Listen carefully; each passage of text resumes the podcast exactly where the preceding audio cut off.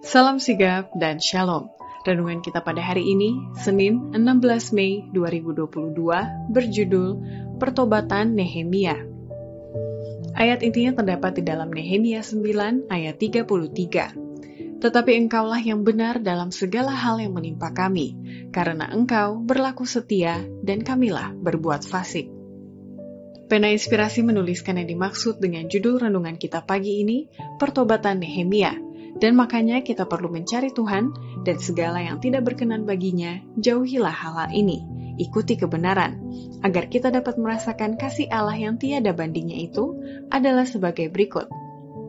Pertama, kisah pertobatan Nehemia adalah ia menegur keras bangsanya atas pelanggaran hari Sabat dan mengajak mereka untuk bertobat agar tidak memperbesar lagi murka Tuhan yang akan menimpa Israel akibat daripada pelanggaran nenek moyang mereka yang menyebabkan pembuangan, penderitaan, sehingga mereka mengalami malapetaka demi malapetaka. Ketika pemulihan Yerusalem pada zaman Nehemia, pelanggaran akan hari Sabat ditegur dengan keras. Bukankah nenek moyangmu telah berbuat demikian, sehingga Allah kita mendatangkan seluruh malapetaka ini atas kita dan atas kota ini? Apakah kamu bermaksud memperbesar murka yang menimpa Israel dengan melanggar kekudusan hari Sabat? Selama pekerjaannya di bumi, Kristus menekankan tuntutan hari Sabat yang mengikat. Di dalam semua ajarannya, ia menunjukkan penghormatan kepada lembaga yang ia sendiri telah adakan pada zamannya, hari Sabat telah begitu diselewengkan sehingga pemeliharaannya membiasakan tabiat mementingkan diri dan mengutamakan manusia daripada tabiat Allah. Kedua, kisah pertobatan Nehemia adalah ia rajin berdoa dan mengakui segala dosanya dan dosa bangsanya, serta memohon supaya Allah mengampuni dan menunjang pekerjaan Israel dan mengembalikan keberanian dan kekuatan kepada mereka untuk bisa pulang kembali ke Yerusalem. Diliputi dengan kesusahan, Nehemia tidak dapat makan maupun minum. Ia menangis dan berkabung dalam beberapa hari. Dengan ikhlas, ia mengadakan pengakuan terhadap segala dosanya dan dosa bangsanya. Ia memohon supaya kiranya Allah menunjang pekerjaan Israel, mengembalikan keberanian dan kekuatan mereka, dan membantu mereka untuk membangun tempat-tempat yang sudah rusak di Yehuda. Ketika Nehemia berdoa, iman dan keberaniannya bertambah kuat Mulutnya penuh dengan alasan-alasan yang kudus.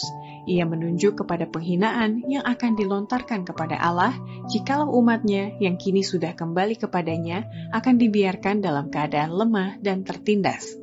Ia memohon kiranya Tuhan menyampaikan janjinya, bila kamu berbalik kepadaku dan tetap mengikuti perintah-perintahku serta melakukannya, maka sekalipun orang-orang buanganmu ada di ujung langit, akan kukumpulkan mereka kembali dan kubawa ke tempat yang telah kupilih untuk membuat namaku diam di sana. Ketiga, kisah pertobatan Nehemia adalah ia sabar menunggu sambil berdoa agar mendapatkan restu raja, walaupun hatinya berat dan penuh kesusahan saat itu.